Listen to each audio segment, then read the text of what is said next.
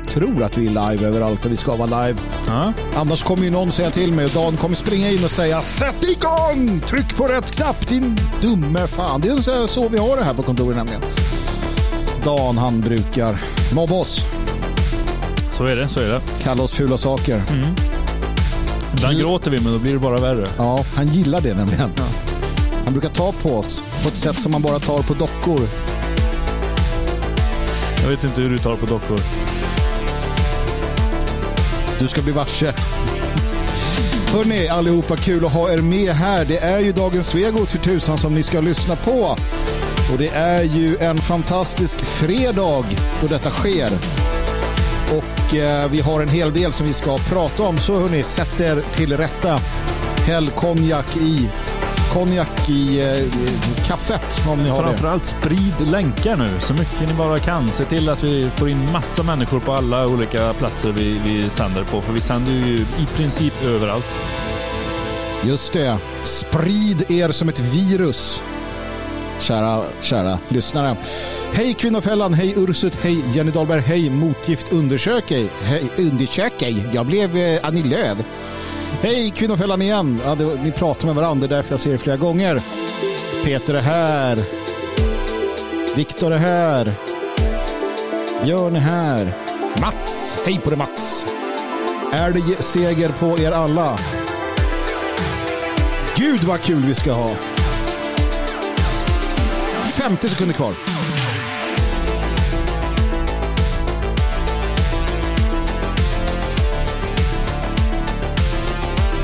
Fyrtio sekunder kvar. Det blir nervöst nu. Ja, vad ska vi göra? Vad ska vi göra? Stefan hoppas att Dan är tillbaks. Det hoppas jag med. Det hoppas jag med. Är han det? Dan, Dan, Dan. Nej, Stefan, jag är ledsen. Du kan stänga av. Det är jag och Björn. Ah, det blir ingen ordning Damn på för dig. idag. Han blir så ledsen då. Stefan, vet du. Ha? Ska vi tracka Stefan hela sändningen? Jag tror det är Dans konto. Såklart, han brukar göra sånt.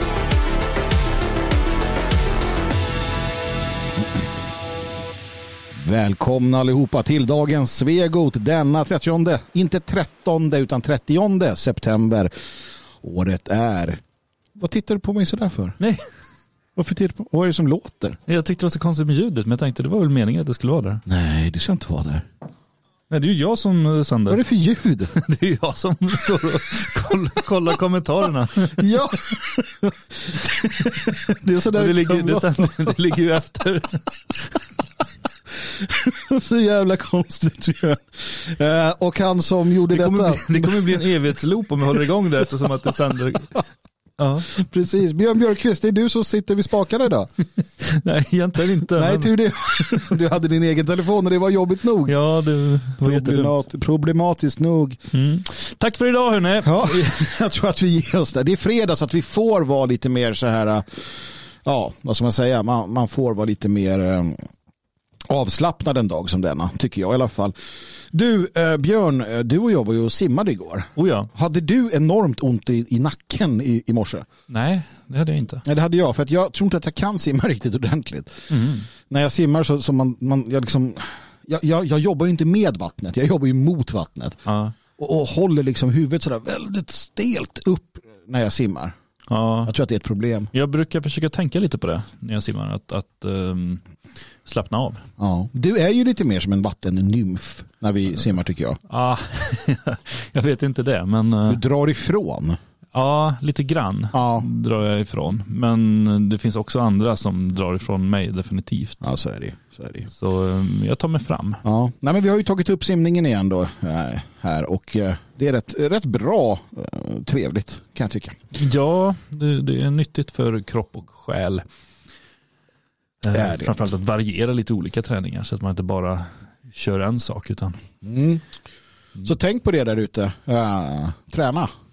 det, var vår, det var vår så att säga uppmaning. Det är ju inte sådana tider alla ska träna och det är liksom hälsa och sånt där. Och det var vårt bidrag till detta. ja, ja men framförallt till ungdomarna då. Ja, absolut. Det ska vi prata om sen. Ja. De rör sig inte alls. Är i alla fall eh, väldigt lite. Jävligt starka fingrar kommer de ha. Det kommer de ha, starka nypor. Ja. Muskler, liksom definierade muskler på, på fingertopparna. Mm. Jag såg precis innan jag gick in här nu. Ja, eh, Så var det, jag tror att det var Nordiska museet. Det var någon museihemsida Ja. som eh, hade lagt ut, för de lägger ut, eh, jag, jag följer ju ett gäng sådana där för att det är kul när de lägger ut gamla foton och mm, andra saker från förr.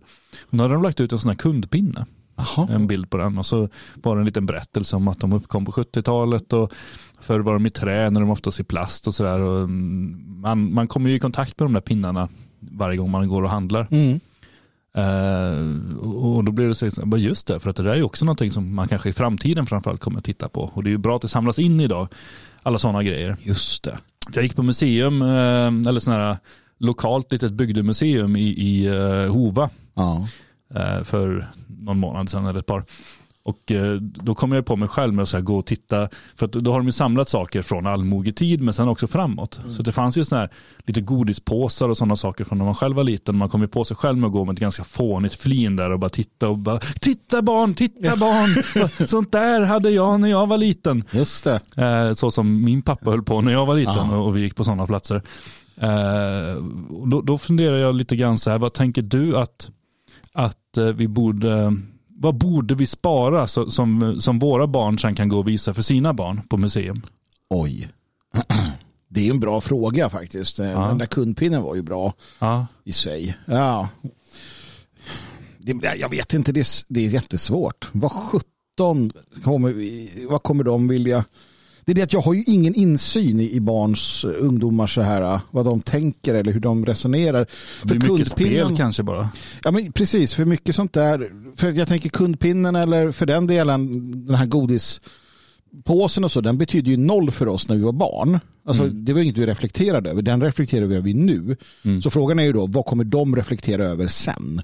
Mm. Um, och, och, och jag har ingen inblick i det, så jag vet faktiskt inte. Och det är så tråkigt när du säger spel, datorprylar. Ja, jag tror det kommer landa där. Men du vet till exempel en sak som, som man ler lite åt. Jag såg på Twitter faktiskt. Det var någon av dem jag följer hade, var på hotell. Mm. Jag tog en bild. Bara, Titta här, en platt-tv, nej en, en tjock-tv uppe i hörnet så här på väggen. Det, Och det var så här, haha, haha.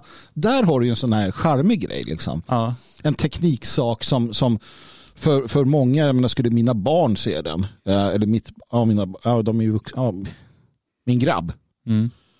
Um, skulle han se en sån så skulle han ju bli lite konfunderad ja. över att det är ju en tv, det fattar han. Men så här, varför är den så himla fyrkant? ja, det är ju en konstig, Så att, var det för att man tyckte det var snyggt?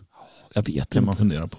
Kanske. Nej men annars så, ja men hur jävla osexigt var det då? Så här, men vi sparar en platt-tv. Så de så här, titta sådana här hade vi när vi var små. Men det är ju där vi hamnar. Ja, ja, visst är det så. Och mobiltelefoner och så. Ja, de kommer ju bara, titta vad stor eller liten eller fan vet. Ja, Sådär. förr var den gjord i material. Mm. Ja, det, så här- nu är den inte gjord i det, nu är alla eteriska Ja, men varelser. alltså, varje gång du blundar så kan du titta eller någonting. Ja. Eh, ni får ju jättegärna då såklart eh, skriva in här på, på chattarna och, och diskutera själva vad ni tycker vi ska spara till eftervärlden i. Det är som jag kom på mig själv för också. Ett tag sedan när, när jag var ute och gick någonstans och så stod det en sån gammal telefonkiosk som hade sparat. Ja. Och det var också så här, så bara barn, kom, gå in här. Och så bara, där fick man gå och så Ja. fick man trycka in. Först var det pengar och sen blev det ett kort man tryckte in så här för att få ringa. Alltså egentligen är ju allt meningslöst. Eh, Okej, Eh, jag tycker allt är fantastiskt. ja, men alltså, det. är både och. Det är det som är intressant. mm. Vi har ju ett, ett eh, gammalt vikingasvärd som är 2000 år eller vad det är. Tusen år är det. Ja, tusen. som man kan hålla i Mm. och titta på. Mm. Vi har ju ett här. Mm. Och det är ju fantastiskt. Ja. Alltså gud, och, och hålla i det svärdet och, och liksom eh, fundera och känna. Mm. Han eller hon som ägde svärdet gick väl mest runt och bara det här jävla svärdet, vad tungt det ska vara. Och jag måste släpa runt över allt här när de går över någon sådär. Alltså om tusen år så kanske någon så här, åh titta en M16. Ja. Wow. Jag menar, det är ju, det är ju redskapssaker. De, har ju, de är ju så värdelösa eh, liksom känslomässigt. Men sen så, eller de är, ju, de är ju värdefulla utifrån att de fyller ett syfte Mm. i sin samtid. Men värdelösa utifrån ett känslomässigt perspektiv.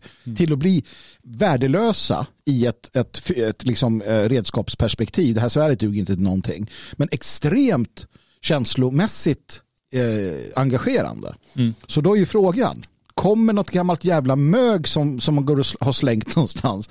Någon gammal, du vet, så här burk, eh, nyckelring, eller inte vet jag, någonting. Jo. Kommer det hittas och så här värnas och vårdas av om tusen år så här, denna heliga, vad är det för någonting, Coca-Cola, denna heliga Coca-Cola som de, de dyrkade här i, i Norden, den nordiska eh, härskarrasen med sin Coca-Cola.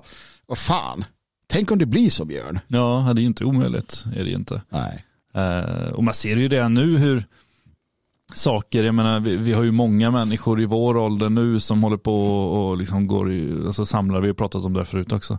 Hur de eh, liksom samlar på, på gamla he gubbar och sånt där. Mm. Eh, saker som slängdes eh, en mass Mm. eh, för 30 år sedan har nu blivit jättedyra samlarobjekt. Ja. Ja, He-Man-gubbar skulle kunna missuppfatta sin kontext faktiskt. Så här, muskulösa, inoljade män. Halvnakna dockor som så här. Ja. Ja. Det är de där dockorna vi pratade om inledningsvis. Där. ja, det är de du tar på. Ja. Inledningsvis kommer ju vara bortklippt också. Ja. Hörni, mina vänner, eh, mina ben skola sparas som heliga reliker i alla fall så att ni kan ha dem när jag, då menar jag inte mina ben som de är nu utan då benen i skelettet ska delas ut till menlighet. Magnus fötter ska turnera runt efter, hans död. Och Nej land och rike runt. Utan vi ska göra små relikskrin ja, och sen ska det delas upp i många små delar så kan ni ha det och vörda det hemma. Så att ni kan uttrycka er kärlek till mig och era barn kan fortsätta och era barnbarns barn kan uttrycka kärleken till Magnus Söderman. Idag ska vi gratulera Ryssland som växer. Ja, det är roligt för dem. Ja, grattis Ryssland. Ni eh, växer lite grann med några kvadratkilometer här och några kvadratkilometer där. Dyrt pris var det tydligen, men det var ni beredda att betala för att få lite extra landutrymme. Ja, och frågan är ju också om det blir för evigt. Ja, risken är ju att det kan ju vara lätt, inte, inte ens lätt fångat, utan Svårt fångat, lätt förgånget. svårt fångat, svårt eller lätt förgånget. Vad pratar vi om? Jo, vi pratar om att eh, de um, ockuperade områdena i Luhansk och John, Donetsk och Cherson och Ilyo, jag kommer inte ihåg vad de heter, um, har begärt att få bli uh, in, inlämnade i det stora ryska imperiet. De har ju röstat om det. Ja, de har ju röstat om det och kom fram till då med 99 procent eller 98 procent att jo då, för tusan, det är precis det vi vill. Va? Ja. Och eh, den här balletten som Det måste alla... man ju respektera. Ja, alltså jag blir lite sådär trött på den här balletten. Alltså, så här, om man... Även om du tycker att Ryssland är det bästa som har hänt sedan skivat bröd, för det finns ju de, och som tycker att de har all rätt i världen att göra det här. Kom inte och säg att det var ett ärligt val. Kan inte bara för i helvete vara lite ärlig och säga att nej men det där var ju liksom uppgjort. Jag menar, från gammal svensk by, vi kanske inte kan lita på dem heller då, men där, där berättar man ju att liksom, eh, berättar man ju om hur liksom, ryska soldater har försökt att hota folk till att gå och rösta det har ju varit problematiskt, såklart. Det säger för fan sig självt. Man kan ju inte sitta och säga att ja men i Sverige är det lite valfusk och så här och USA sen så bara men den här omröstningen i Ryssland den var jävlar i mig 100% äkta och sann. Klart den inte var. Nej, det var det ju inte. Och jag, jag tycker vi ska ehm, stanna upp lite grann där just för gammal svensk by. För att de, de har ju agerat eh, stenhårt. eh, Inte alla, men väldigt många valde ju att eh, helt enkelt eh, stänga sina grindar, släppa ut sina hundar, gå in och låsa eh, dörren. Och sen så hoppas på det bästa. Några, alltså sen, sen när, när soldaterna kom för att be dem gå och rösta så eh, var det många som bara stannade inne, låtsades som att de inte var hemma typ. Mm. Eh, Men den andra gick ut och sa att eh, nej, vi, vi går inte, vi, vi stannar här. Några gick och röstade också, men, Mm. men det är en tydlig motståndshandling från ett folk som har råkat ut för väldigt mycket skit under eh, århundradena. Eh, Våra svenska vänner där borta. Så att eh, hatten av för dem Mm. och har man möjlighet, har man det gott ställt så kan man ju alltid skicka iväg en hundring eller så till Svensk Bebornas förening som hjälper dem där borta. Mm.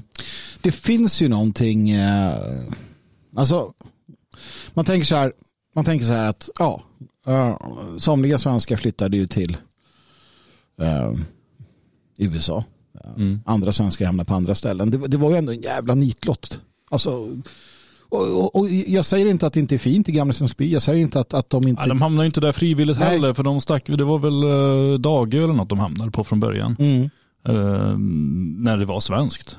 Ja. Och sen så bestämde sig ryssarna för att flytta på dem till Ukraina så Mm. småningom. Eh, sen fick de en möjlighet att komma till Sverige om det var tidigt 1900-tal i samband med att eh, många svenskar stack till USA. Mm. Då sa Sverige att eh, men det står en massa hus tomma här så att ni är välkomna hit. Och många tog den möjligheten. Det finns många svenskättlingar, inte minst på Gotland där många hamnade. Mm. Um, mång, en del av dem kände direkt att eh, nej, det här var inte vad vi hade trott. Myterna stämde inte Nej. så att de flyttade tillbaks. Medan andra då, eh, ganska många, finns kvar nu i Sverige. Mm.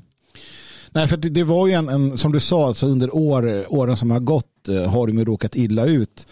Eh, Bolsjevik, under bolsjevikrevolutionen och under liksom, kommuniststyre, under ja, det som har hänt efteråt och nu då det här. Um, har de drabbats hårt. Men det är ju särdeles, och det här tycker jag man ska komma ihåg, det är ju ändå svenskättlingar. Mm. Och det är ett jävla hårdnackat folk. När man, när man tänker på eh, somliga eh, svenskar idag inom kulturvärlden eller andra som vi kanske med ett visst förakt tittar på och tänker det här är ju en alltså vad har hänt med vårt folk? Hur, hur kan vi ha blivit så här ja, lätt, liksom, lätt efterblivna nästan? Mm. Så tänker vi på att där finns det ett folk som fortfarande så här och de är svenskar. Mm. Som säger nej, eh, vi, vi härdar ut, vi står ut. Det här är vi. Jag, jag men, och det är det jag vill någonstans komma till. Gammelsvenskby är vi. Det, Ja. Vi kan vara dem. Mm. Ehm, som, som överlever allt, som står ut med allt. Och som du säger, har man möjlighet, absolut, ja, ja, hjälp, hjälp till liksom. Ehm, med, med, med någonting. Det finns eh, mycket, en, en, jag tror en förening som just det har ursprung på Gotland. eh, som är liksom en, en, som engagerar sig för just de här och har kontakt med dem och sådär. Mm. Svenskbyborna har jag för mig att föreningen heter. Jag Mm. skickade någon slant till dem precis när kriget bröt ut. Sen har jag inte tänkt så mycket på det. Men, Mm. Men det är väl dags igen kanske. Det kan vara dags igen absolut för att eh, det, det, är ett, ett, eh, det är värt att titta på. Men vad tänker du nu då? Ryssland då, eh, Vladimir Putin kommer att utropa med allt, all önskvärd tydlighet de här delarna av Ukraina till ryskt territorium och då slutar de ju vara ockuperade eller så utan då är de ju annekterade. Då är de ju i deras värld rysk mark. Mm. Och ehm, det, det innebär ju någonting för dem. Så att säga, för Ryssland. Eh, Frågan är, kommer de ta det lika seriöst som om det hade varit Kaliningrad eller någon annan del av Ryssland? Med tanke på att, att, att det finns stridande förband från Ukraina där. Ehm, och Ukraina kommer ju tycka att det här är ju vårt. Men det blir ju i samma ögonblick som Ryssland utropar det till Ryssland så blir det ju att Ryssland ligger i krig. Precis, det blir ju en förevändning att uh, riktigt ordentligt. För de har ju hävdat uh, än så länge att det inte varit ett krig. Precis. Eh, och det blir det ju då, för att då är det ju främmande makt, Mm. eh, krigsmakt på deras eh, territorium. Och det är Mm. ju klart att det är någonting man ska agera hårt emot. Ja, naturligtvis. Det kan man ju inte acceptera. Som en, en suverän nation kan ju inte acceptera att någon kliver in och tar ditt land. Nej. Som Ukraina gjorde när de sa nej till Ryssland. Då. Ja. Nej, precis. Så eh, nej, så det kommer nog öka på Mm. kaoset och eländet skulle jag tro. Är du orolig, Björn? Eh, Jag tänker, det pratas mycket om kärnvapen. Det pratas mycket om att det här eskalerar. Det pratas mycket om att helt plötsligt är det Ryssland och inte något liksom, eh, gränsområde. Utan det blir ju moder Ryssland. Och, och, ja, rysk doktrin är vad rysk doktrin är. Och, Mm. Det händer ju mycket konstigheter helt klart. Sen så eh, är man ju alltid sådär lite ändå obotligt optimistisk Mm. i tankegången att man tänker att nej, men det är väl ingen som gör någonting sånt.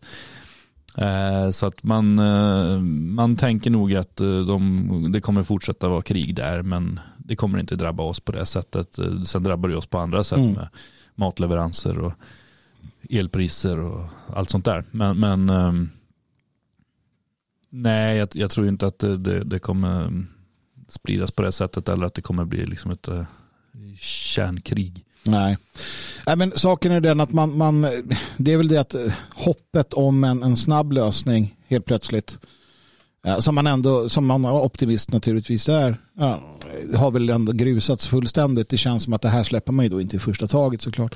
Nej. Utan att det här kommer bli en långdragen historia. Sen kommer vi anpassa oss såklart, det gör ju alla, eh, till den nya verkligheten. Um, och så får vi se vart det, vart det liksom landar någonstans. Det, det vet vi inte. Uh, helt enkelt. Men uh, ni ställer frågor här i chatten. Och ni är välkomna att fortsätta med det naturligtvis. Uh, om vi svarar på dem eller inte, det vet jag tusan. Men en fråga som, som kommer upp det är vart Dan är. Ja, han är inte här. Har ni inte förstått det ännu? Jag vet inte riktigt vad, vad ni vill att jag ska göra åt saken. Han är inte här. Eller tror ni att han står här? Alltså, frågan var väl inte vart han inte var. Aha. Nej, han, han är upptagen med annat idag också och då får vi släppa honom till detta. Uh, så att uh, han, uh, han sitter och lyssnar på oss däremot. Det vet jag att han gör. Han, han lyssnar och tycker att vi gör ett väldigt bra jobb. Han är glad över att ha sådana fantastiska medarbetare. Han, han, Ibland hör vi applåder. Ja, alltså han känner en enorm stolthet över att få få, få vara en del av vårt team. För det är lite så vi alla ser det här. Jag ser också att han har tecknat stödprenumerationer. Han har tecknat stödprenumeration och det tycker vi är bra av honom. Björn, berätta lite om det här med stödprenumerationen. Ja, det är det sättet vi um, hankar oss fram på. Uh, vi, försöker, vi vill ju sända så här som vi gör nu varje dag uh, och det är möjligt tack vare stödprenumeranter uh, och att vi har haft en liten kassa undanlagd för sådana här, ja, för att kunna göra det här möjligt det kommer inte vara möjligt i evighet om inte antalet prenumeranter ökar ordentligt. Um, naturligtvis kommer vi fortsätta sända men kanske inte på det sättet. Så vi är väldigt beroende av stödprenumeranter. Eh, är vi. Och då går man in på svegot.se och letar sig fram Eh, på något sätt. Man hittar någon knapp man trycker på för att veta att där, där, där går jag in för att bli stödprenumerant. Och då kostar det fram till idag, det är sista dagen idag va? Sista dagen idag, om det här är sista dagen på månaden. Ja, är det det? Det vet jag Eller inte. är det 31 dagar den här månaden? jag vet inte. Nej. Jag är så jävla dålig på sånt där. Den här månaden i alla fall, Ja. när den tar slut, då tar möjligheten att teckna prenumeration för 50 kronor i månaden slut. Mm. Eh, och då kommer det kosta minst 100 kronor framöver. Man får jättegärna betala 100 kronor redan nu också. För Mm. det, det är det som gör att vi kan sända eh, ert stöd. Och förutom då att ni hjälper till och gör det möjligt så får ni också tillgång då till alla sändningar som har varit och som kommer att vara. Eh, mycket läggs ju bakom betalväg efter att det har direkt sänts och eh, det får du tillgång till som stödprenumerant. Och Mm. det finns också lite andra idéer om vad man ska kunna få framledes. Det kommer bli kul. Precis. Och i, i fredagsandan här att det är lite plumpt, det är lite roligt, det är lite galet så tänker jag faktiskt svara på eh, frågan kan du rekommendera några bra BDSM-klubbar i Elgarås Magnus? Äh, kan jag inte, men kom hem till mig så kan du få stryk men det är inte sexuellt överhuvudtaget. Med det sagt eh, så eh, ska vi titta på det här. För att vi pratar om de där eh, folkomröstningarna i Ryssland. Um, eller ja, i, i Ukraina. Gud vad jag, vad jag snabbt accepterade Ja, det gick nya. fort att ändra det. Ja, det gick väldigt fort. Eh, nej, så här. eh, de, de, de har då eh, folkomröstningar och det fördöms naturligtvis. Eh, och frågan är ju, är vi så jävla mycket bättre? Eh, och jag ställer frågan utifrån, eh, alltså sådär on top of my head, absolut. Vi har inte soldater som går runt när det är valdag i Sverige eller liksom i Europa och så här tvingar människor ut på gatorna och gör, gör så, rösta så, rösta si. Uh, vi har inte ett öppet förtryck, vi har inte en, en liksom diktatur på det sättet, vi har inte de aspekterna, men vi har ju mycket annat som är problematiskt. Vi har pratat om problematiken med den liberala demokratin. Uh, och jag, jag, kommer att tänka på det här i samband med då att, att uh, Meloni och Italiens bröder väljs i Italien. och innan valet så går så går den gode van der Leyen i EU ut och, och i princip hotar Uh, Italien hotar Europa, uh, varnar för att ja, hur det ska det gå och, och man pratar om att, att EU minsann har uh, man har metoder, man har liksom möjligheter att ja, ta itu med Italien om de, om de går åt fel håll. Va? Mm. Och hon är ändå liksom högsta hönset i EU någonstans och, och sådär. Och då är frågan hur mycket bättre är EU? Till exempel. EU gnäller på Ryssland, hela världen fördömer folkomröstningarna, mycket riktigt. Men hur mycket bättre är vi? Uh, alltså rent principiellt, inte i metodiken då, um, med detta. För att det är ofta vi har hört, och efter Brexit och Trump och så vidare, så har vi hört väldigt mycket om att, att, att det inte är acceptabelt det som händer. Folk röstar fel. Vad tänker du där Björn? Ja, nej, men det där är ju ett bekymmer som, som EU har helt klart. Man eh, låtsas å ena sidan som att man är väldigt frihetliga och folk ska få göra vad de vill men så fort eh, befolkningen röstar fel eller politiker tycker någonting annorlunda så ska det jävlas med dem. Man ska dra in ekonomiskt stöd. Eh, och det där visar ju då någonstans att det här eh, tanken på en hyfsat gemensam europeisk ekonomi där man hjälper de svagare och sådär. Det ska bara gälla så länge alla liksom är med på det liberala tåget. Mm. Om någon vill in och eh, liksom, ja, men bara peta lite grann om man till exempel eh, nu när de ska komma överens om en gemensam europeisk invandringspolitik. Om något land säger att nej, men vi vill inte förstöra vårt land. Vi vill inte förändra vårt land eh, till någonting annat. Vi vill inte skapa ett litet Afrika utan vi vill att vårt land ska vara vårt land. Mm. Då ska de plötsligt inte ha några pengar. Nej, precis. För det är det man drar med det kortet hela tiden. Då, att det kan bli uh ja, att man håller inne pengar. Nu, nu i Italiens fall är det ju bland annat den här coronafonden då mm. som har en massa pengar i. Så det, det är liksom att, ja, eh, gör man inte som vi vill. Och det är inte första gången. Och jag, jag, tycker att det kan vara värt att återgå till, återkomma till vad som hände år 2000. Mm. År 2000 så blev då FPÖ eh, i Österrike en del utav, eller ja, de, blev, de fick så pass mycket eh, röster att de, att de blev en del utav regeringsunderlaget i Österrike. Mm. Demokratiskt. Jörg Haider. Jörg Haider hette han då, ja. ja. han hette ju det hela vägen fram. Då. Mm. Ja, och det som hände då var att EU, och, och det här är ändå så här, tycker jag, jävligt allvarligt.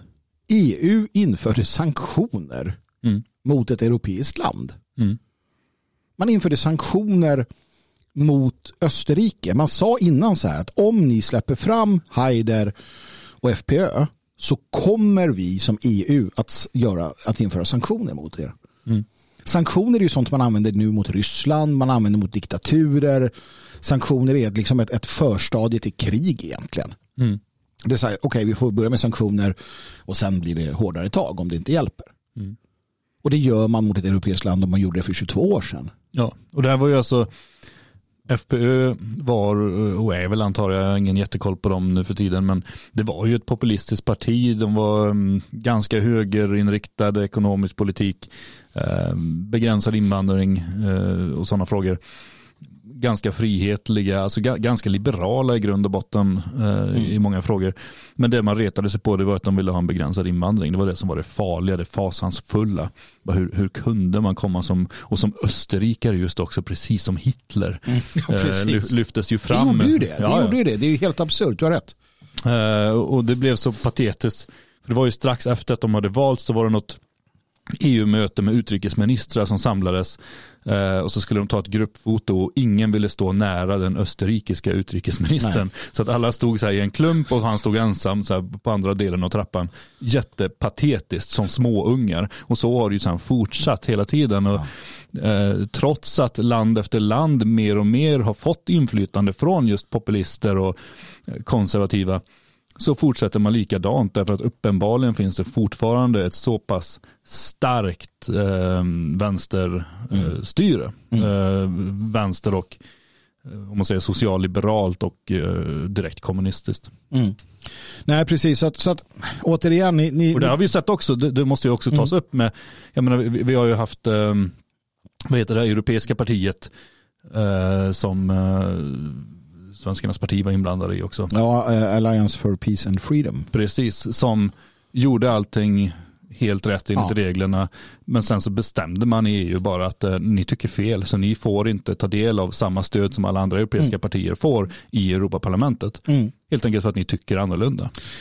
Precis, så här, här leder du in egentligen på någonting som jag har tänkt en hel del på. Eller det gör man ju ofta. Vi har ju, vi har ju en hel del år i oppositionen. Um, och, och, jag vet vi var inne på det här om dagen när jag fick någon, någon, något utbrott där. Och, uh, alltså, så, så jävla otacksamt uh, och så jävla svårjobbat allt ska vara. Mm. Alltså, det är ofta, alltså man tänker inte på det när man är mitt uppe i det, men till exempel det här som du berättar om Allians, Alliansen för fred och frihet och hur man nagelfarde deras, eh, i det fallet ekonomi.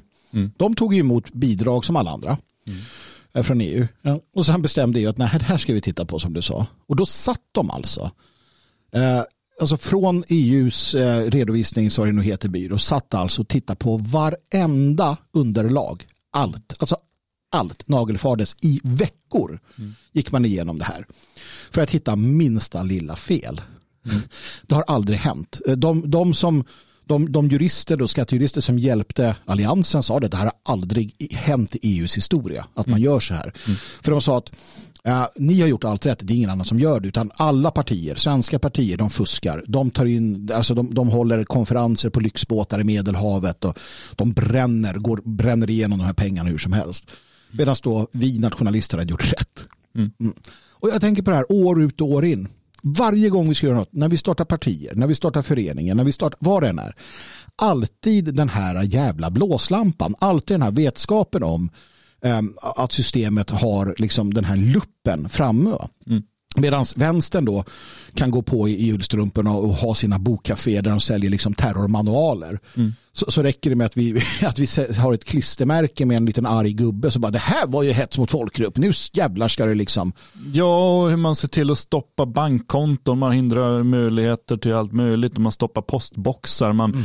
Eh, hindrar människor från att hyra lokaler. Mm. Jag menar, inte minst Sverigedemokraterna har ju drabbats av det där i årtionden innan de kom in i maktens korridorer. Eh, minns någon gammal artikel när, när Anna Lind var eh, politiker höjdare i Stockholm eh, och stoppade Sverigedemokraterna från att hyra eh, offentliga lokaler för att ha sitt årsmöte i. Med hänvisning till att Ahmed Rami kanske kunde komma förbi. Mm. för det var det enda brottsliga de kunde hitta för att han var då dömd för hets mot folkgrupp. Men han, hade ju aldrig, han har ju aldrig haft någonting med Sverigedemokraterna att göra. Så att, och det har ju varit hela tiden sådana där ständiga små, ska man, hyra, ska man ordna ett möte som nationalist, i alla fall var det så tidigare, så fick man hyra tre, fyra lokaler och mm. hoppas på att man hade en kvar när eh, säkerhetspolisen och journalister hade bråkat mm. färdigt. Mm. Ja, visst. Nu skriver Tage i chatten, två kommunistiska bokaffärer blev rannsakade av poliser igår dock. Jag har ingen aning om. Ja. Men absolut, det har ju hänt. Café 44 har fått besök i samband med polisutredningar av knarkbrott eller misshandlare eller liknande. Men, men den, den bevakningen eller den liksom, eh, vad ska man säga, Uh, alltså det, det press, den press som, som nationalistiska organisationer i 30-40 år har varit under är ju Alltså det är svårt att förstå om man inte är en del av det, om man inte har suttit och sett på det. Om man, faktum är att man inte har varit liksom, um, en del av vår administration, att förstå, förstå problematiken. Och det är det jag menar, alltså, så, så i det lilla så också i det stora. Men de här kaféerna vill man ju veta mer om. Ja, jag vet inte vad det är. Du får jättegärna Tage, ta och skriv en, någonting där för tusan människa.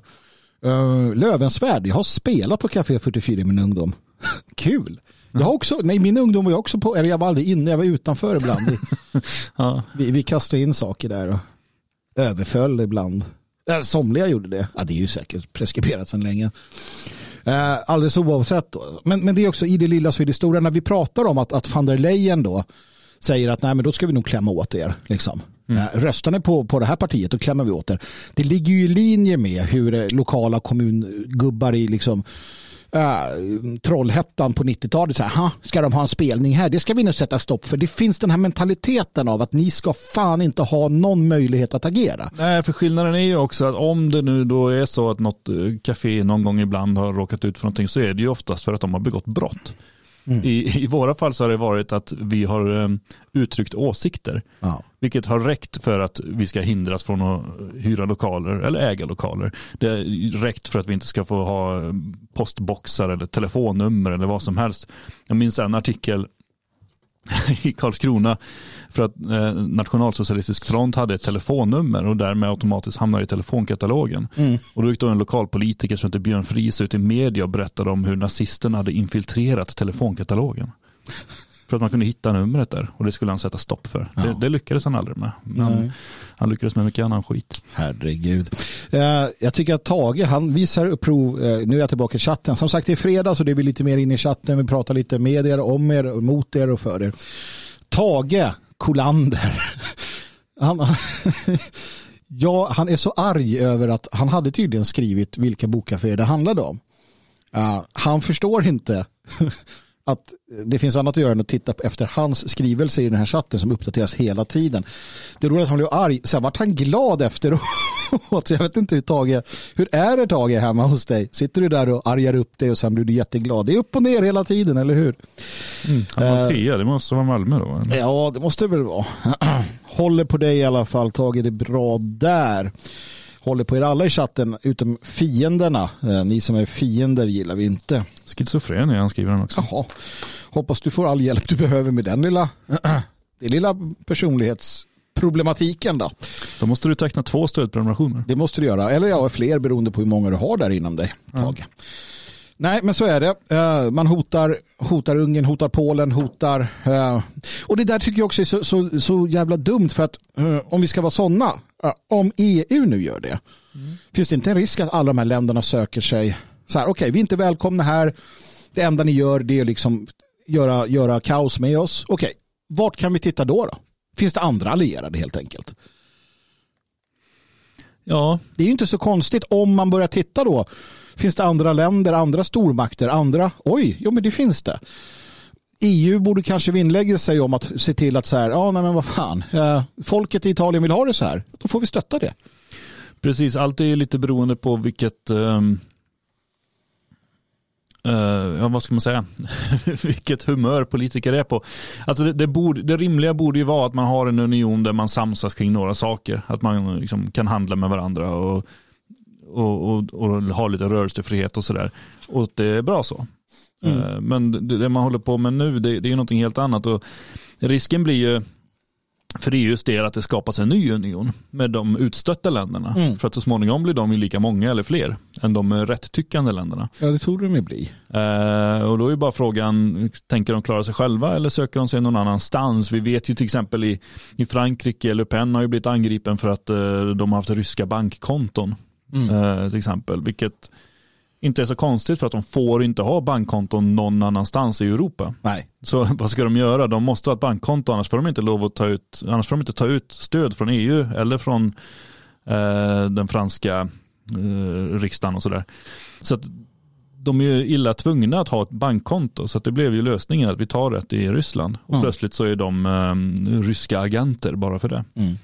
Nej men precis och det, det är liksom eh, det är omöjligt för oss att och nu pratar jag om oss som en stor, alltså en stor liksom, en nationell opposition på europeisk nivå. Det är omöjligt för oss att, att eh, ja, parera alla de här sakerna. Man får bara, vad säger man, roll with the punches.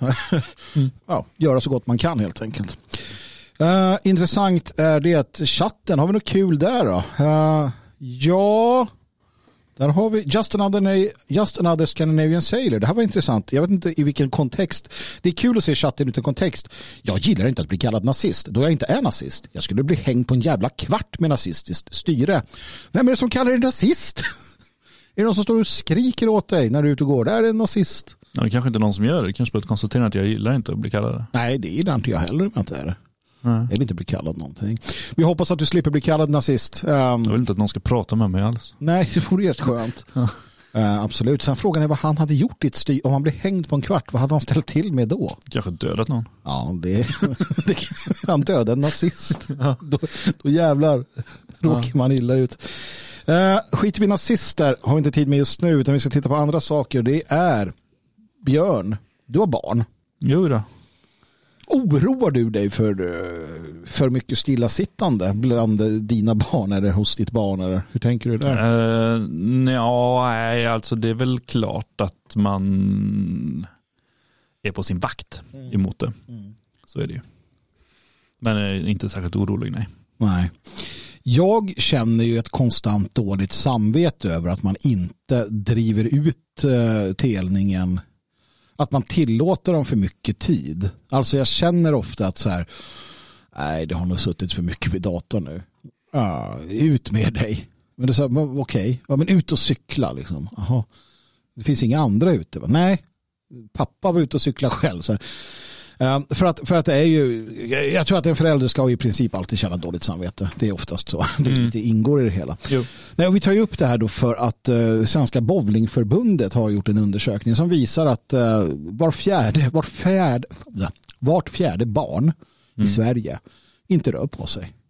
Nej, Ja, då menar vi då inte rör på sig i, i de andas ju så. ja, ja, det gör de ju sådär, men de har ingen eh, fysisk, ehm, inga fysiska liksom, eh, hobbys eller. Det är alltså de, de sportar, de idrottar inte kort sagt. Nej, de sitter still. De sitter still. Ja, de har väl gymnastik i skolan, men när de kommer hem så sitter de och grejar. Ja, sitter och får gamnacke, får eh, karptunnelsyndrom eller vad det heter. Karpaltunnelsyndrom heter det. Det har inget med, karpar att göra tror jag. Musarm. Eh, musarmar, eh, fingrar, eh, problem med eh, andra motoriska problem. Eh, Fyrkantiga ögon. ja, jag drog det för sonen när han var lite liten. Han gick på det, det var skitkul. Ja. Eh, glasögon, alltså synproblemen kommer ju. och så vidare och så vidare. Och det här är ju sånt som händer i detta nu. Arnstadsben. Hur oroliga tycker du att vi ska vara? Eh, ja men det är ju allvarligt. Eh, såklart. Det, det är illa. Det, det är ju... Alltså, man får ju inte vara en sån här eh, trött vuxen som inte förstår att mycket av ungdom, barn och ungdomars verklighet sker på internet.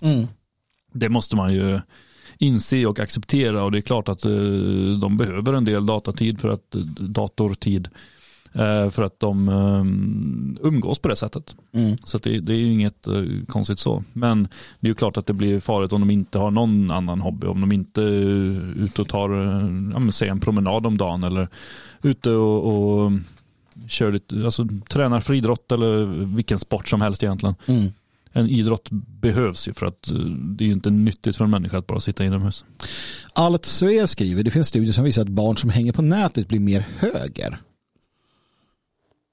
Kan det vara en delförklaring till skolvalsresultatet? Här finns det en sanning i detta. Jag har aldrig, jag har aldrig um, egentligen pekat ut grabbens liksom, surfande i någon riktning. Det har jag faktiskt inte. Han, han började ju titta på sådana här uh, folk som spelar spel och sådär. Um, spel som han spelade och så tittar han, men som du tittar på fotboll eller hockey eller vad som helst. Så det, när jag hade fattat det så, ja okej. Men jag har aldrig pekat ut honom i någon politisk riktning. Mm. Så, sen kom han till mig och frågade om någon. Så, vad tycker du om uh, bla bla bla och hans idéer om det här? Jag sa, jag ingen aning. Det där är en oviktig människa i mitt liv.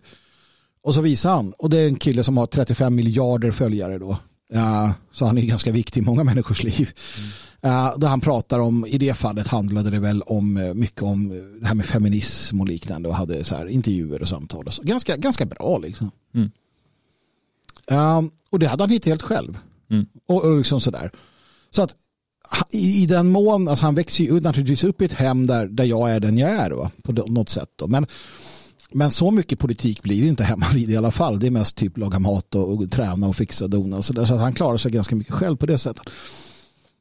Men det är ju så, alltså frågan är om, om, om det är så att man möter mycket sånt generellt, att algoritmerna är på vår sida. Vad tror du? Ja, det, det är inte omöjligt. Jag mm, har inte tagit del av några sådana studier så att jag det vet jag ju inte. Nej. Eh, Men det är ju inte omöjligt för att jag tänker att, att eh, i textformat, i alltså den typen av eh, eh, värld man möter så kanske det är mindre, jag tänker att känsloargument kanske går fram sämre Mm. än eh, fakta. Och eh, det är ju klassiskt att eh, fakta är på den så kallade högerns sida medan känsloargument är på vänsterns sida. Mm. Så att mycket möjligt eh, att, att det kan vara något sånt det beror på. Eh, Katzenmotor skriver tror helt på att barn ska vara ute och, och det tror jag att vi alla är överens om. Frågan är bara hur. Alltså för mig var det ju självklart, alla var ute. Hade jag suttit inne när jag var liten, då hade jag varit ensam. Mm. Går jag ut nu, då är jag ensam. Ja. Alltså, det är ju där vi, vi kan ju konstatera att de borde vara ute. Ja. Mm. De borde klättra i träd. Ja. De borde kasta stenar i vattnet. Ja. Okej, så då har vi sagt det. Här kommer ju problemet. Hur, hur får vi dem till det? D- jag vet inte. Och jag tror som på så många andra sådana här svåra problem så är det att man måste prata om det. Ehm, en sak är ju att försöka hitta, eh, och, här börjar det ovanifrån, det börjar från föräldrarna. Har ni ett mannaförbund? Har ni en gemenskap? Har ni en social gemenskap? Eh, ett par nationella familjer där ni bor? Eh, I den gemenskapen kan ni, och, här faller det på oss vuxna, ja, men gå ut och grilla korv en gång i veckan då. ta er barnen. Gör allt det här så att de barnen får umgås med varandra eh, utomhus då tillsammans och föräldrarna också. Det, det är ju inte så att eh, den, den vuxna närvaron utomhus är särskilt stor heller. Nej. Och det är kanske där det börjar också. Ja, någonstans. Va? Sen är det ju det att, att få in dem i idrott. Och här är det ju varje vuxens, eh, varje förälders äh, äh, i sådana fall då plikt att, att på något sätt skyffla in ungarna i någon idrott och låta dem hålla på och pröva. Ja, och, och, det kan ju vara jobbigt nog. Det, det, kan dels kosta pengar och beroende på var man bor kan det vara liksom svårt att få ihop saker och ting. Men där får man ju bara prioritera det framför sig själv då helt enkelt. Mm. Uh, jag vet inte helt enkelt. Uh, jag tycker det är viktigt, att, det är viktigt att, lyfta det och det är viktigt att... Uh... Ja, men det man bör göra som förälder är att, att försöka introducera olika sporter så de får prova olika saker, hitta någonting de gillar. Det är ju såklart lättare kanske i en stad där det finns stort utbud av sådana här saker. Så som vi bor så finns det inte jättemycket att välja på utan man får ju visa upp det som finns. Det är väl fotboll och brottning och oh jag vet inte vad det mer finns. Bowling finns ju faktiskt nu i och med att det var bowlingförbundet som hade genomfört det här. Ja, precis. Uh... Det finns eh, simhall och sånt där i närheten. Eh, men det finns ju alltid några, några aktiviteter på varje ort som man får söka sig till. Mm. Sen är det väl, jag vet inte, jag tror inte man ska vara rädd för att tvinga ut ungarna emellanåt heller. Nej. Men gå ut i skogen, gör, gör någonting. Ja. Gå ut och gå vilse, försvinn, lär dig hitta hem. Ja, nej, nej men precis. Bo med vargar. Ja, Uh, ja men bo med vargar ett tag, absolut. Det, det, tror jag är en, en bra idé. Nej men sen uh, ett tips från, som jag har gjort är att, uh, att få med i det här fallet grabben när jag själv åker och tränar. Nu är han så pass stor så att då kan man säga att ja, du följer med till gymmet. Mm.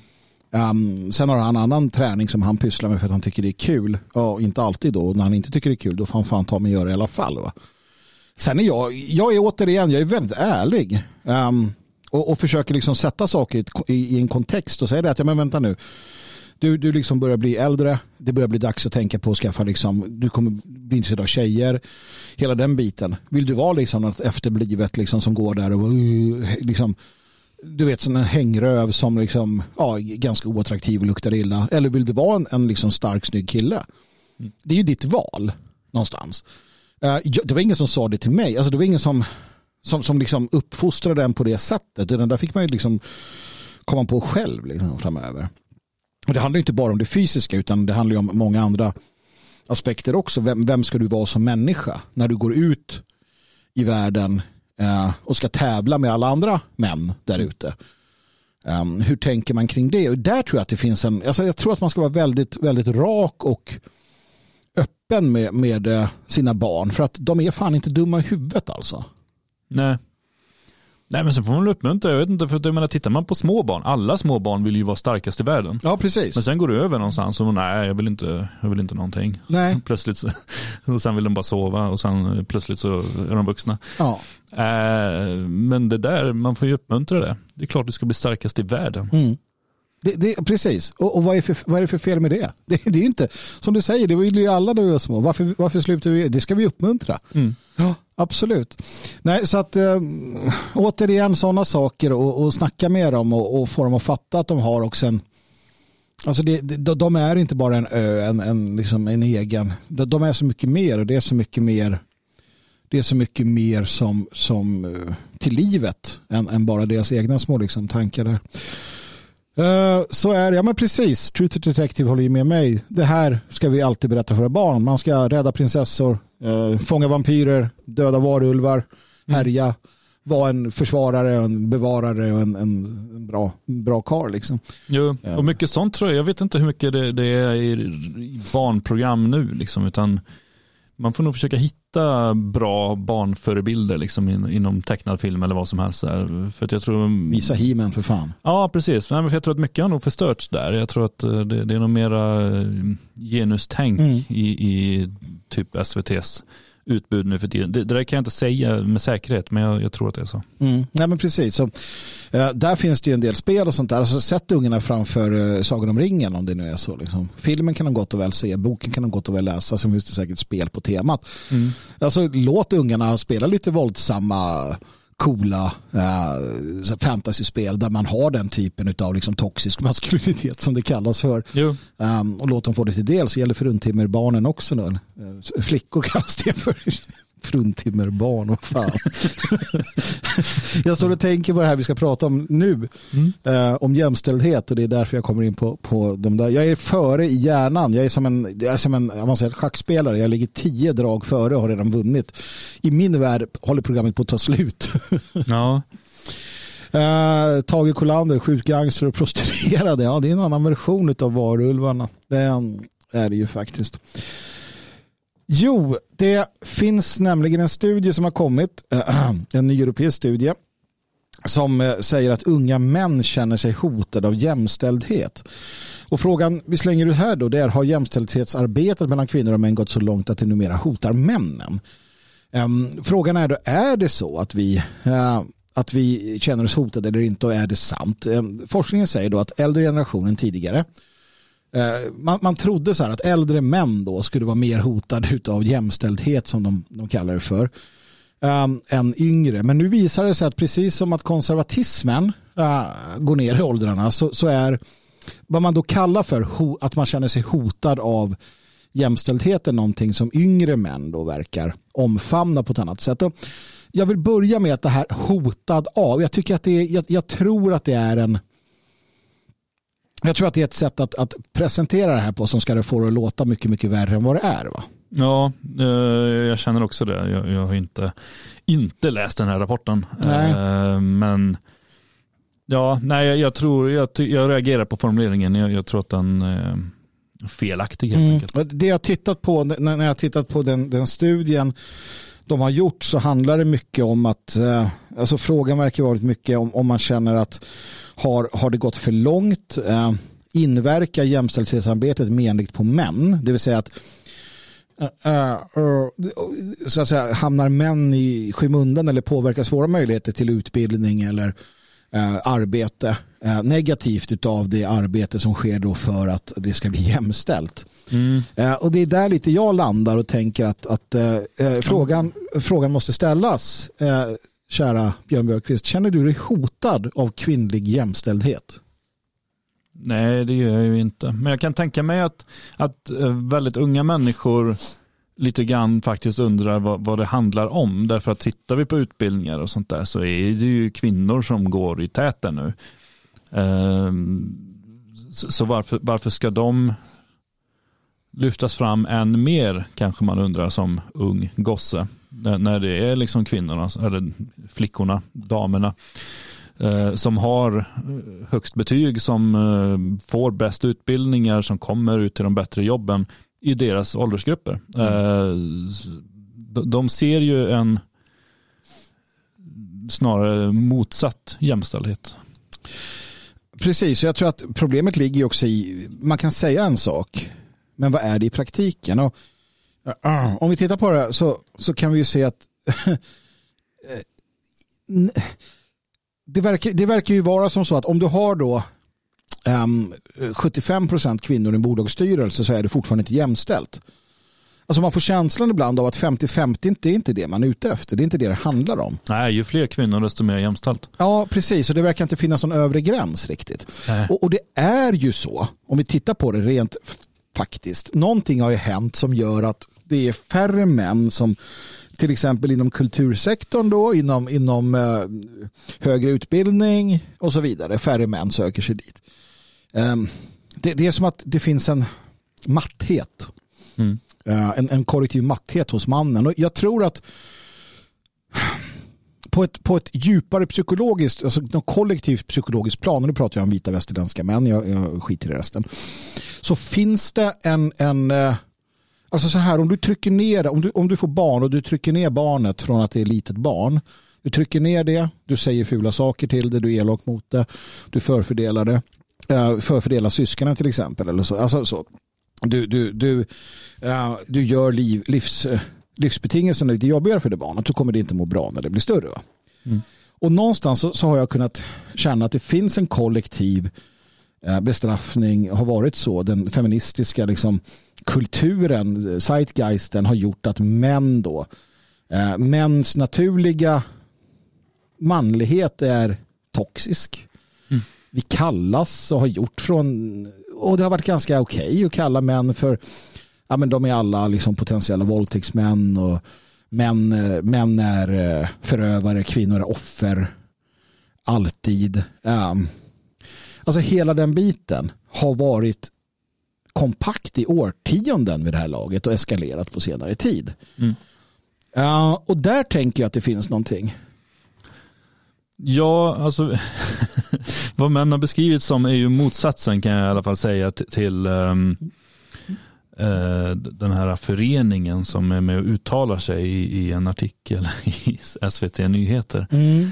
Uh, föreningen heter, eller den förkortas MÄN, vilket är då män jag hittar inte. Nej, jag vet inte heller. Det är bland annat Tilda Joldas och, ja, det är en, det Shahab Ahmadian. Ja, Shahab Al-Hadian är någon slags ordförande för den här föreningen som, mm. som uttalar sig. Och jag gick in på deras hemsida här och tittade lite grann. Och det, det står ett gäng män och jag vet inte om det här är styrelsen eller något möte de har. Främst män. Det är ett par kvinnor med på bilden också som tydligen är med i den här föreningen då, Män för jämställdhet. Mm.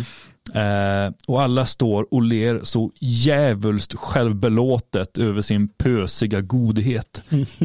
vi är män, men, men vi, vi hoppas på, för man ser att ganska många av dem är sådana som verkligen hoppas på att få ligga igenom det här. Det här är deras sista utväg. Ja, ja. Mm. Men det blir inte så. Nej. Det blir inte så där heller. Eh, men den andra ser ganska vanliga ut och det, det är en mm, salig blandning. Men det som de har gemensamt är det självbelåtna flinet som är så Ja. vidrigt att se. De, de gör inte det här av godhet utan för att känna sig goda. Mm. Nej men så är det ju. Och det, det här är ju en del av det hela. Vi har ju pratat om polarisering, polarisering vi pratar om, uh, om samhället. Uh, alla de här olika, och det är en perfekt storm som, som vi går mot. Och det är därför vi någonstans kan, kan deklarera slutet på en, en civilisation. Eh, för att det har alla eh, det har alla, alla ingredienser för det. Slappheten, tröttheten, överflödet, lyxen, äh, rädslan för det naturliga och sen då, då total, liksom, total fiendeskap någonstans mellan män och kvinnor. Äh, även om den inte är helt liksom, uppenbar och uttalad så, så finns det där. Man, man, man skriver nu på kultursidor så här, om incels och det har kommit en bok om det där såg jag att det är sådana här värdelösa, trötta. Men ingen som bryr sig om hur det kommer sig att det finns då en stor grupp och vad händer i ett samhälle med ja, Det är ju lite grupp? roligt, man hånar ju de här. Ja. Haha, de får inte ligga. Precis. Ja, nästan trevligare på 70 80-talet kom ut en bok som heter Alla ska få ligga. Sånt där. Det var själva idén att alla ska ha rätt till det här såklart. Alla ska hitta någon att ligga med. Mm. Fan så mycket trevligare än idén om att haha, de här ska inte få ligga. Uh, nej, och sen har det ju hela, hela, hela saken blivit knepig, vilket också har öppnat upp den här manosfären som som saknar en hel del. Alltså där finns det en hel del att, att önska om man säger så. Mm. Uh, inom den också som utvecklat en till stora delar en liksom sjuklig uh, subkultur. Mm. Uh, på andra sätt och vis. Så att, mm. Ja men det, är en, det, är en, det har ju skett en sån sjuk förflyttning av allting så här att man ska inte få lov att ragga på krogen, man ska inte Mm. få lov att ragga på jobbet, man ska inte få lov att ragga någonstans. för att, män får inte ja, göra män det. får inte Ja. göra det för, för att eh, då är det eh, övergrepp och Mm. metoo-anklagelser Mm. till förbannelse. Eh, och, och män får inte lov att uttrycka manlighet. Eh, ingenting sånt där. Kvinnor ska helst inte uttrycka kvinnlighet heller. Mm. Utan eh, alla ska vara något slags könlöst eh, någon könlös klump som bara glider runt och finns Mm. till. Däremot män som känner sig för kvinnor som kvinnor ska uttrycka enorm kvinnlighet Mm. och tvärtom.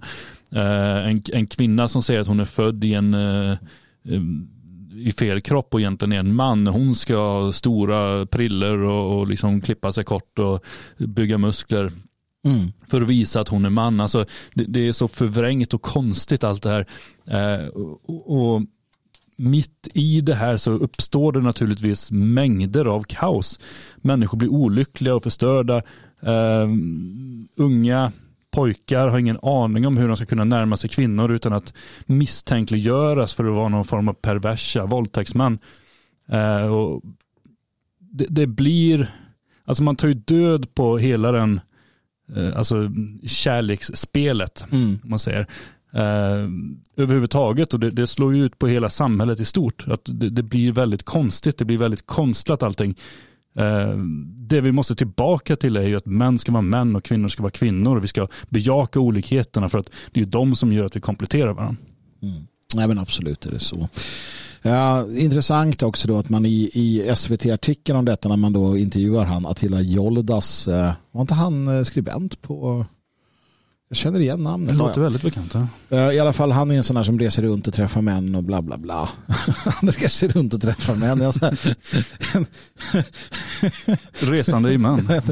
Bögen är lös liksom. Nej men och pratar om sådana här saker då. Det är det han gör. Han pratar ju om att det finns en förskjutning mot det konservativa.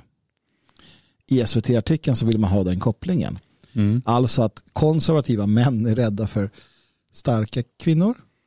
Fast det är ju inte sant. Nej, jag tänker bara så här. Eh, Konservativa män är, är, är, rädda för obekväma med, med vänsterextremt flum.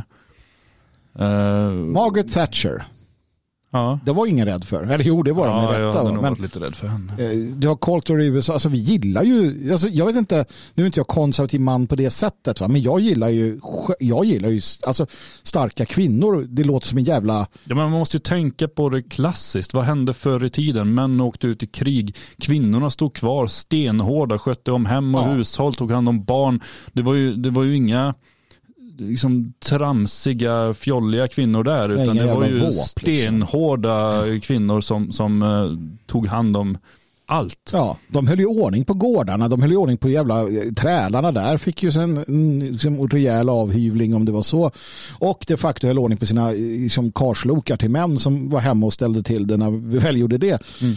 Det är det man vill ha, det vill säga att vi inte, vi är inte ett dugg rädda för starka kvinnor, det är precis det vi vill ha. Vi vill ha starka kvinnor som som, som står upp eh, och delar vår strävan. Det vi inte vill ha det är ju liksom vänsterfeministiska jävla mähän. Mm. Um, och, och, det är ju där vi, det är där vi står idag. Så att nej, nej men så är det ju eh, utan tvekan. Men vi kommer få se mer av det här såklart. Och det intressanta blir ju då att man att man blandar ihop saker. Man tar då uh, undersökningar som säger att uh, män då är, är rädda eller ja, någonting. Och sen så blandar det ihop det med i det här fallet konservativ och att det görs då i public service och, och, och så vidare och så vidare. Jag tycker väl bara att eh, nej, eh, det är det, det, är återigen nedslående för att vi, det, är så, det är så många lager hela tiden som vi måste, måste vara på och eh, kämpa på. Och det här vill jag säga kan ju också eh, kan ju också då leda till, eh, till eh, radikalisering. Det är man ju mm. orolig för ganska ofta. Att, att saker och ting liksom eh, radikaliseras och sådär. Och eh, det finns ju en, en, sanning i det tänker jag. Eh, att det gör. Ja. Så det är frågan. Finns det ett alternativ till radikaliseringen eh, Björn Björkqvist? Kan vi skåda något på horisonten? ett roligare alternativ till våld och radikalisering? Skulle du kunna göra något annat? Det är min fråga till dig. Ja, men jag tror ju på en naturlig återgång. För jag tror att jag menar, saker som är programmerade i vårt DNA i så pass många tusen år. Det kan man inte bara förändra i en handvändning bara för att det kommer någon jävla byråkrat från Socialdemokraterna och säger att eh, nu finns det inga kön. Utan eh, jag tror att med tiden och det kanske är det vi redan nu ser då med de unga männen så, så sker det, kommer det ske en naturlig återgång. Ja, det tror jag också. Och som sista sak vill vi prata om ett alternativ till radikalisering. Och det är ju det här som bland annat görs kanske i Kanada. Vi vet inte riktigt, men där finns det en, en, en härlig, frodig kvinna eller man Ja. Eller något med rejäla tuttar. Ja, de går inte av för hackor. Det gör de inte. De går inte av för något. och denna man, eller kvinna, han... Eh, han finns ju på bilden där på programmet om Precis. någon är nyfiken på vem vi talar om. Han är slöjdlärare. Mm. Och det är ett stort mysterium nu. Mm. Vad det här egentligen handlar om, den här, den här mannen. för att, han var man, tydligen tidigare. Och sen så slutade han vara man. Han är väl fortfarande biologisk Ja, det är han ju. är väl uh, Han har väl inte opererat sig eller någonting? Heller. Nej, det har han inte gjort. Nej, och så kom han då till, till jobbet en vacker dag och såg ut som han gör nu. Och det här, han är ju en parodi på, alltså det är, det, det, mest, det är ju så bisarrt allting. Mm. Uh, och nu är det ju som så att, att det, det, alltså ingen vet, är det på riktigt eller inte? Det, det, finns uppgifter på, om det är Reddit eller vad det är, att den här personen har haft problem med skolan tidigare, den här läraren, för att han har varit uh, liksom han har varit, uh, han, han, har, han har ifrågasatt just den här typen av wokeness. Mm. Uh, till sina elever. Mm. Och att han har vid något tillfälle varit hotad med att få sparken för att han har varit anti-wokeness. Och då finns det då en teori som, som säger att efter det så körde han på åt andra hållet. Så att det, det här är ett sätt för honom att någonstans påvisa just poängen. Mm. med hur det är. För att skolan har ju nu varit tvungen, i enlighet med lagen i Kanada, just den delstaten, så har ju skolan gått ut och sagt att de står bakom honom till 100 procent. Ja. Han får göra så här. Han får vara den han är. För det är ju det som wokeness går ut på. Mm. Uh, hur absurt den har blivit. Mm. Så att det vi inte vet är, är han our guy som trollar systemet eller är han det inte? Mm. Jag vet inte. Jag hoppas ju att han är det. Har du någon liksom Ja, alltså det, det, det, finns så många aspekter i det här. Alltså det, för när man ser de här bilderna och man ser filmer när han står och svarvar eller vad det är, sågar någonting. Det, är helt galet, fullständigt galet. Så man hoppas ju någonstans att det är ett skämt. Ja. Samtidigt så känns det lite grann som att den här typen av skämt om de tillåts hålla på för länge riskerar att normalisera mm. dumheten. Så det, det, är ju en balansgång det här. Men det är klart att om han om något år sedan säger att ja, men nu har jag bevisat min poäng. Mm. Uh, så då är det ju fantastiskt roligt. Mm. Och det är här jag lite kommer in på uh, liksom själva idén där som vi, vi talar om. Det här kan vi trolla bort systemet? Det vill mm. säga om vi för att, tro mig, tanken har ju funnits många gånger. Mm. Att man bara ska, du vet, titta på allt det som de hävdar och sen bara köra på. Vi hade ju Dullny som delfin. Ja, precis. Eh, delfinen Dullny. Det är en det, fantastisk det historia. Han hörde ju av sig och det var innan han var med i SD och sådär. Så ja. han var ju en, en okänd människa ja. som kontaktade journalister eller om man startade en förening eller ja. för, för delfinmänniskor. Ja. Eh, människor fångade i, eller delfiner fångade i människokroppar. Mm. Och lyckades bli intervjuad av SVT där han satt i delfinmask och berättade. Fantastisk historia.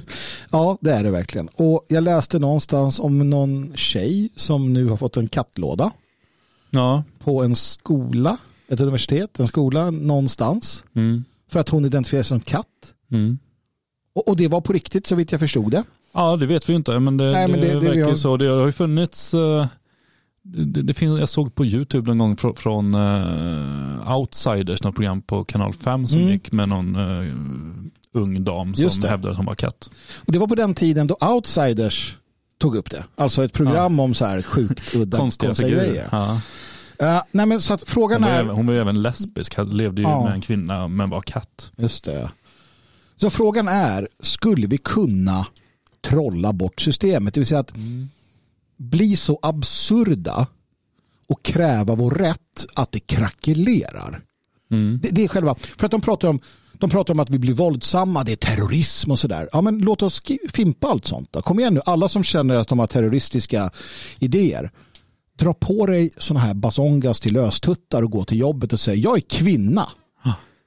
Och, och, det ska bara, ni respektera. och det ska ni respektera och jag ska fan ha en, du vet på åkeriet där du jobbar eller vart det än är, jag ska ha en tjejtoalett nu, dra åt helvete. Mm. Och så vidare. Om alla bara du vet körde på så, in i kaklet, vad fan händer då? Vad... Jag har ju funderat på några olika grejer man skulle kunna göra här. Ja. jag har skrivit upp några tips Härligt. Till, till, till våra terrorister som måste ja. göra något vettigt istället. Eh, det finns naturligtvis de, de grundläggande enkla sakerna man kan göra, mm. till exempel på badhuset. Om som man kräver att byta om i damernas omklädningsrum, för du är kvinna. För du identifierar som kvinna? Ja. ja. Uh, ha, vänta, bara stanna där. Har någon mm. gjort det? Har vi några exempel på detta och vad har hänt? Jag har inte, jag, jag, inte som har kommit ut tror jag. Jag har inte sett något Nej. sånt där, men det är en sån här klassiker som, som brukar tas upp med när, när diskussionen förs. Ja. Så någon borde ha provat och fått ett nej antar jag. Och sen, inte, jag. sen att det inte har gått vidare. Men när du får ett nej, anmäl det. Diskrimineringsombudsmannen. Ja. Uh, för att det där är allvarligt. Uh, en annan sak man kan göra då på, på temat, det är ju att som man gå till uh, sjukvården och kräva att få göra abort. Och så bara, men du är ju, du är ju man. Nej. Men det, det finns inget barn där inne. Jo, Jo. Ja, det är min kropp. Om jag säger att det finns ett barn där inne så är det en del av min kropp. för jag är en penisbärande kvinna som är gravid. Ja. Eh, Jag vill ha abort.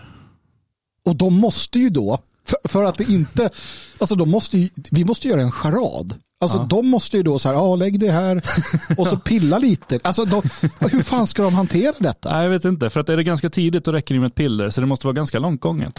Det ska skrapas. Här ska det fan ta med skrapas. Ja. Det gäller har, nu, alla, alla män med chipstuttar och kulmage, här har ni ett jobb. Ja. Nu kommer er fysionomi till sin absoluta rätt. Gå in på närmaste mödravårdscentral och säg jag är gravid, jag vill ha en abort. Mm. En annan grej jag tänkte på det är ju att som vit man eller kvinna eh, starta en förening för vita afrosvenskar. eh, att man är Ja, den, den extra förtryckta gruppen som inte, alltså man, man är afrosvensk därmed per, per automatik förtryckt men man är dessutom en vit afrosvensk och därmed inte respekterad av det svarta communityt. Och så kräva stöd för det. Ja, alltså ja, gör det. Jag, jag, jag kan bara säga det, ja, gör det. Mm. En sista jag kommer att tänka på, det är lite grann kanske för djurrättsrörelsen och sådär. Eh, De brukar ju ha protester utanför slakterier och sånt där. Just det. Eh, Det de bör göra är att kontakta varje slakteri och demonstrera utanför med plakat och föra liv, skriva insändare och sådär. Där de vill ha garantier för att de inte slaktar andra djur. Alltså att de inte slaktar till exempel hundar. För vet man att den här grisen inte identifierar sig som hund, går det att garantera. Nej, det gör det ju inte. Utan det, där måste undersökas. Och ehm, där har ni ett litet jobb att göra också. Det är de jag kom på. Ja, jag har inte kommit på några alls. Chatten kanske har några. Jag ska se här, Stefan här i chatten, han säger att det, du kan ju kräva att få föda ditt barn. Eh, och hur gör sjukvården då? Alltså, det är ju taskigt att låta sjukvården, alltså de har problem och det är jobbigt och vi vet allt det här. Men sorry, ni får fan offra er också. Ja. Eh, hur, ska syster, hur ska syster ta detta? Alltså så här, det gäller ju att du är, det gäller att du är beredd här. För att du kommer ju kanske hamna i ett rum med en läkare. Och han kommer ju bara, vad fan håller du på med? Men då måste du stå på dig. Du har bara, men jag är gravid. Jag, hur mår mitt barn?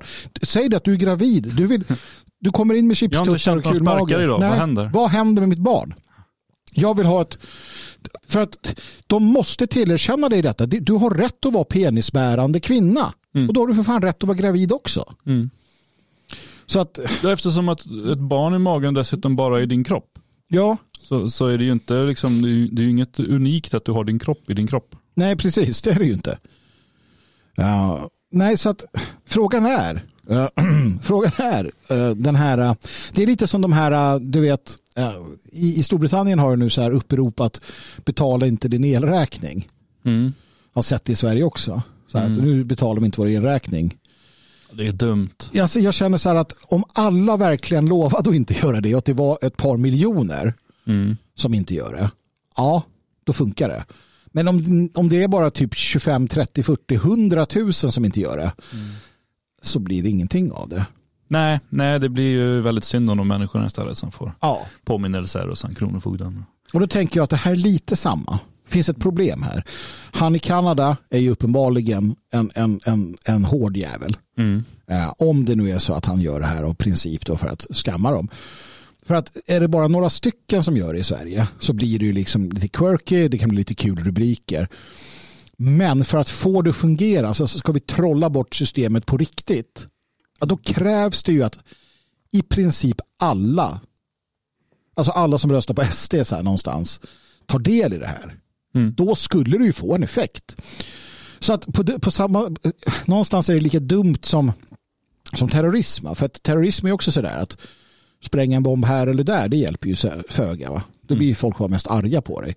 Utan det är ju när det blir liksom omfattande och då kallas det inbördeskrig helt plötsligt och det är en helt annan sak. va?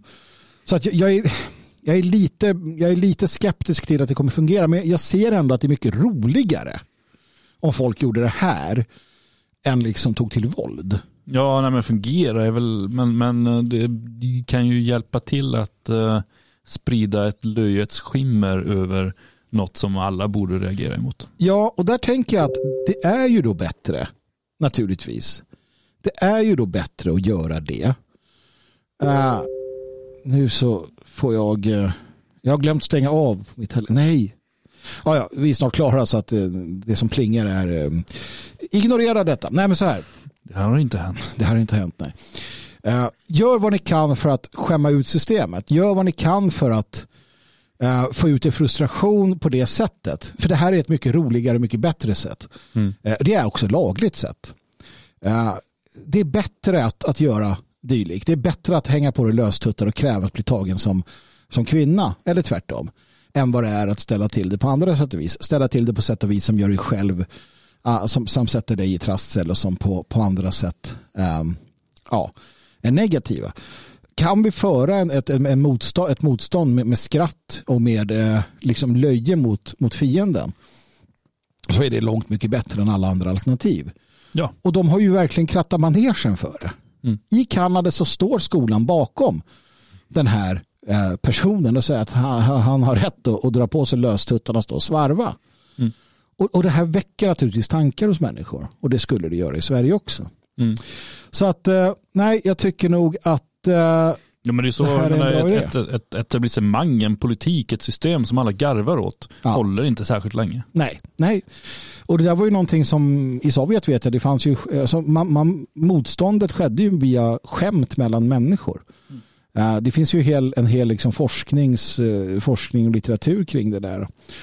Och så. Så att uh, kräv din rätt på de olika sätt som, som du kan liksom tänka dig. Det, det är väl vår uppmaning då. Uh, till exempel Royal Blue skriver där, om man identifierar sig som hund får man åka gratis på bussen. Ja, det måste man ju få göra. Ja, risken är ju att uh, rätt för det så kommer det hundskatt igen. Ja, det är ju det då. Mm.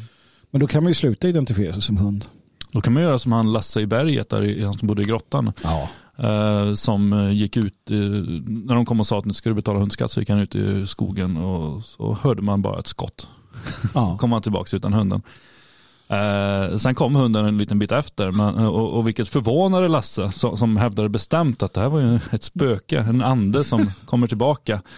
Eh, så att, eh, han, han följde med där några år sedan till spökhunden.